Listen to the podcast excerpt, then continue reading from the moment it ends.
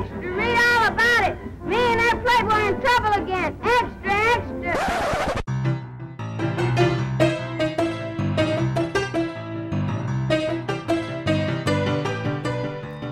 Hej och välkomna alla människor till podden En rolig historia med Johan och Linus. Mitt namn är Johan. Och mitt namn är Linus. Det är egentligen ganska självklart. Hur som helst. Eh, dagens ämne då. hur, mycket, hur mycket kaffe uppskattar du att du dricker på en dag? T- en och en halv liter kanske? Mm. På, en, Mm. på, en, på en väldigt kaffedrickande dag. Jag, eh, jag har kommit till slutsatsen att på en generell dag så brukar jag bälja i mig ungefär tre liter te. Du är medveten om att det är torka i, i resten av världen va? Ja, precis. Jag är nog delvis till, till eh, skuld för, för det. Eh, Hur, men, eh, hur lever du? Jag vet inte, men det här har hållit, det här har fortgått sedan, ja, sen jag var tonåring i alla fall tror jag. Kanske Jo, innan det- till och med. Det är först på senare år, alltså från säg 27 och uppåt som jag börjat dricka kaffe med någon slags regelbundenhet. Men helt ärligt, om jag är hemma och inte liksom bland folk, då dricker jag aldrig kaffe. Jag, jag dricker te. Jag dricker te hela tiden. Och, Men- och det här var ett väldigt långt sätt då att på något vis inleda vad dagens ämne kommer att handla om, nämligen te. Nämligen Johan. Nämligen mig. Hur länge har då te varit en grej Linus? Vi är inte säkra på när te, när vi började dricka te. Och som alltid när vi inte är säkra så gör vi oss säkra genom att hitta på historier om hur det faktiskt började. Jajamän. Så jag skulle vilja börja detta avsnittet i två stycken legender. Mm. Enligt den kinesiska legenden om var te kommer ifrån, så går vi tillbaka ungefär 4000 år, till 2700 år före vår tideräkning. Mm. Eh, Där det finns en kejsare som heter Shen Nong. Och eh, han är både kejsare men han är också en väldigt framstående vetenskapsman. Mm. Och som alla framstående vetenskapsman så sitter han en, en somrig dag och, och kokar vatten i sin trädgård. Något kan ju For säkert hända. science! Och så sitter han under ett, ett något sorts vildträ och så, så faller det ner ett löv i hans kokande vatten. Och självklart så är hans reaktion att det här måste jag dricka. Mm. Och så inser han att den här drycken är fantastiskt god Mm. och helt underbar och helande och, och helt magisk. Ja. Och där skapar han te. Jag bara tänker vilket, vilket enormt eh, smakrikt jävla telöv det måste ha varit. För att om man, alltså, när, han, när jag tänker att han kokar vatten, då måste det ändå vara en, en, en, en relativt rejäl mängd vatten som det handlar om. Och då Jag- tänker jag, wow, det, där, det har smaksatt hela hans liksom bu, bu, bunke eller vad fan det nu är han har med, Jag va, ser- med vatten. Jag ser framför mig, du vet hur det är ett träd där det hänger ner små tepåsar. Det var- med Ja, forest precis, det är väl så fruit te växer, eller? det kommer ut en färdig påse. Om, om jag ska få säga min mening dock så är jag mycket mer intresserad av den indiska telegenden. Du har blivit lite, lite biten av eh, eh, en indisk... Låt mig förklara indisk varför. eh, het. Vi går framåt i tiden, till och med efter vår tideräkning till 500-talet. Mm. Och där finns det en prins som heter Bodhidharma. Mm.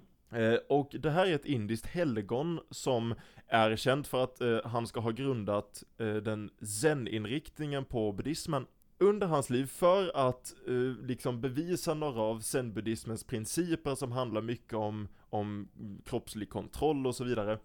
Så bestämde han sig för att han skulle meditera i nio år utan avbrott och utan sömn.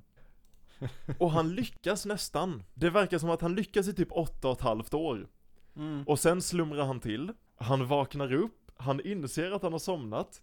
Han blir så förbannad över detta att han skär av sig sina ögonlock och kastar dem på marken. Och där de landar så springer det upp ett te, en teplanta. Det, det roliga med den här, For science! alltså ja, first, alltså det, det roliga med den här är att jag har så många frågor om hur det här gick till. Jag, jag vet bokstavligt talat inte var jag ska börja för någonstans. då de två skapelsemyterna om man så vill. Ja, nu, det finns ju en mycket tråkigare historia såklart om hur man började tugga telöv liksom. Man började ju inte Mm. dricka det först. Mm. Utan man började ju tugga på telöv för typ 4000 år sedan. Mm. Och så långsamt så fattade man att man kunde koka vattnet till sånt. Den historien finns ju, men jag tycker inte den är lika rolig. Det, den är inte det. Alltså det, hur som helst. Uh, tedrickande, väldigt populärt i Kina och till slut också även, även väldigt populärt i Indien. Under en väldigt lång tid, som du säger, ish 4-5-4 tusen år tillbaka. Mm. Ehm, intressant nog, inte alls någonting som skedde i Europa förrän långt, långt efter. Väldigt, väldigt sent. Det kom först till Japan via någon zen-buddhistisk munk då. Mm. Eh, och det är intressant nog informerade ju hur Japan välde att se på te. Och det, är ofta där till exempel den här teceremonin eh, kommer ifrån. Det är väldigt knutet till buddhismen. Jag tycker det är så coolt för att, alltså, det har ju stort ursprung i Kina och Japan och under väldigt stor del av deras historia så har ju vardagslivet varit väldigt re- religiöst inspirerat liksom. Vilket gör att tekulturen också blir väldigt religiös på något sätt. Ja, Det finns en, en romantisering av te, av tedrickandet och som du säger en ceremoni och precis. ja, det ligger något nästan magiskt över det. Det gör, och det, och det ligger nästan i sakens natur. Om, om ni någonsin druckit te, kära lyssnare, så, så förutsätter jag att ni förstår att det finns någonting väldigt betryggande och väldigt, vad ska man säga, någonting väldigt lugnande och, och jag ska inte säga spirituellt, men jag, alltså, jag tycker personligen om, när jag, jag brygger mitt te, jag har en liten ritual, liksom. Inte på något vis någon religiös ceremoni eller någonting sånt, men jag har en, liksom, jag gör det på ett visst sätt. Och, och, och jag dricker det under specifika omständigheter som jag blir trygg av liksom.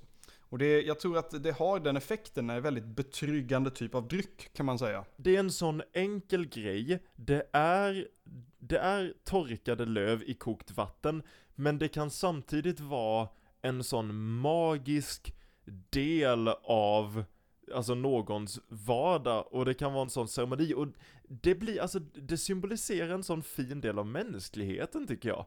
Att Ja. vi, vi kan ta något så sjukt enkelt som löv i vatten och göra det till en hel kultur. Om vi, om vi då går över till när te till slut introducerades till Europa. Där har vi ju lite av en, en, en historia kring det där eh, egentligen. Det kom ju på, ja, framförallt till England så var det, blev det ju väldigt populärt till slut. Ja men runt mitten av 1600-talet började det introduceras sådär. Eh, Mm. När de eh, kom ifrån eh, Kina och, och eh, hade med sig teblad och så vidare. Och det var ju framförallt då den här eh, eh, portugisiska eh, drottningen Ka- Catherine av Braganza. Och hon var, hon var, hon var som jag, hon var eh, beroende av te. Eh, och, och gjorde det till en slags hovgrej kan man säga. De, de, Precis. ehm, de, de gjorde, det var fint att dricka te. Hon gjorde det till fint att dricka te. Och så blev det liksom någon slags, vad ska man säga? Det, ble, det blev en slags eh, överklass-sysselsättning nästan i England. När slutade vi ta efter, när slutade vi leta efter modetrender i kungahuset? För det känns, När för vi, sånt, när vi här, sånt, sånt här händer i historien hela tiden. Åh, den Ja. kungen började med detta och plötsligt gjorde hela Europa det. när slutade vi, det liksom, det, det känns så fel idag att titta på, på vår kung för att hitta mode liksom. Ja, Vet du vad? Vet du vad? Jag tror, slips är inne i år igen. Vet du vad? Vi, det här kommer vi in på ett ämne som vi har pratat om att vi ska prata om ganska länge nu. Men, just det här med kändisdyrkan, för jag tror att idag så, det är inte det att vi har slutat med det, det är bara att vi tittar på andra kändisar. Ja, det är sant. Det, det, idag är det skådespelare och rockstjärnor och uh, sådana såna människor istället. Eh, Ja, men det har du rätt i. tror borde- jag. Vi borde mergea dem. Vi borde sätta in Zlatan i kungahuset. Ja, ja precis. det, ingen hade ju sagt nej. Där kära lyssnare fick ni höra hur Johan låtsades att han vet vem Zlatan är. Men intressant nog här, det spred sig ju till slut till, till massorna om man så vill. Det som, det som är så jäkla konstigt där, de hade ju så extremt höga skatter på, på te, så det var ju i princip omöjligt för gemene man att få tag i det till ett bra pris. Och ja, men vad hände då? Smuggling! Jajamän, smuggling. så, så det hände. Eh, Jag tror till och med man räknar med att på 1700-talet så, så kom betydligt mer av teet som importerades till England var insmugglat snarare än, eh, än att det kom dit den lagliga vägen så att säga. Och, och de, de, de, eh, de ville ju tjäna på det så det var ju generellt sett dålig kvalitet på det. Så de, de blandade ut det med typ vanliga löv. Och, eh, och eh, när det var dålig färg på det så använde de olika medel för att färga teet. Till exempel fårbajs eller ja, andra saker. Så, så jag vet inte hur det smakade ärligt talat, men det var rätt färg i alla fall, det är det viktiga. Åh gud. Ja. När vi ändå pratar om Storbritannien Mm. så vill jag komma in lite, jag skulle vilja prata lite om historieskrivning. För att när man pratar om te i Storbritannien då händer någonting som ofta händer i historien. Eh, när man pratar om Europa, inte Mm. minst. Och jag skulle vilja nu, nu ska jag försöka bygga mitt märke lite som populärhistoriker här. För jag, jag skulle vilja prata om något som jag vill kalla för tacoeffekten. Ooh. Det går till så här. Te kommer från Kina. Ursprungligen någonstans där kring. Det blir stort i Kina, det blir stort i Indien. Sen kommer den över havet, den kommer till Europa. Så smått, lite sådär. Eh, landar i Storbritannien. Mm. Eh, någon dricker te. Jag, jag ser framför mig, du vet, hur det, hur det brittiska folket möter någon som har med sig te. Och de liksom tittar på det och säger, ja, vad är det här? Ja, te, okej. Och så dricker de lite, hmm, hmm. Det här är vårt nu. Ja. Te, te är engelskt nu. För det är precis det här som svenskar har gjort med tacos. liksom, en Tex-Mex-rätt kommer hit, svenskarna tittar på den och bara hmm, det här var gott. Det är vårt. Det här är en svensk rätt nu. Som traditionellt äts på fredagar. Att så, så har vi sagt. Det är som verkligen, oh det här var gott, det här har vi alltid haft. Ja. För att gå tillbaka lite, 2-3 tusen år. En av de grejerna som gjorde att te blev väldigt känt och blev väldigt stort var att man ansåg att te hade helande krafter. ja, precis. Det var ju en medicinsk dryck väldigt länge. Och jag kan förstå det, för att förr i tiden, med de medicinska metoder man hade för 2000 år sedan, Mhm. allt från att liksom skruva hål i folks huvuden för att lätta på huvudvärk till blodiglar för allting. Tänk dig att du hittar någonting som faktiskt gör minsta lilla grej. Som på minsta lilla sätt, på minsta lilla sätt kan få dig att må lite bättre. Jag känner att alla läkare måste ju gone fucking bananas över te. Så här, det, det här, jo, jag, jag mår faktiskt lite bättre. Ja. Jag kan se det framför mig. Att det, det, du mår så pass mycket bättre att de känner att nej, då är det, det här är inte medicin, det här är, det här är någon form av svart konst. Det är inte, det är inte okej att du mår bra av medicin. Te har ju positiva effekter. Ja, men det, det har det ju. Det är mycket antioxidanter och det är ju även koffein i, så du blir lite piggare en kort stund. Eller hur? De säger att grönt te ska vara väldigt hälsosamt av anledning. Är inte det bara lite för att skambelägga människor som dricker svart te?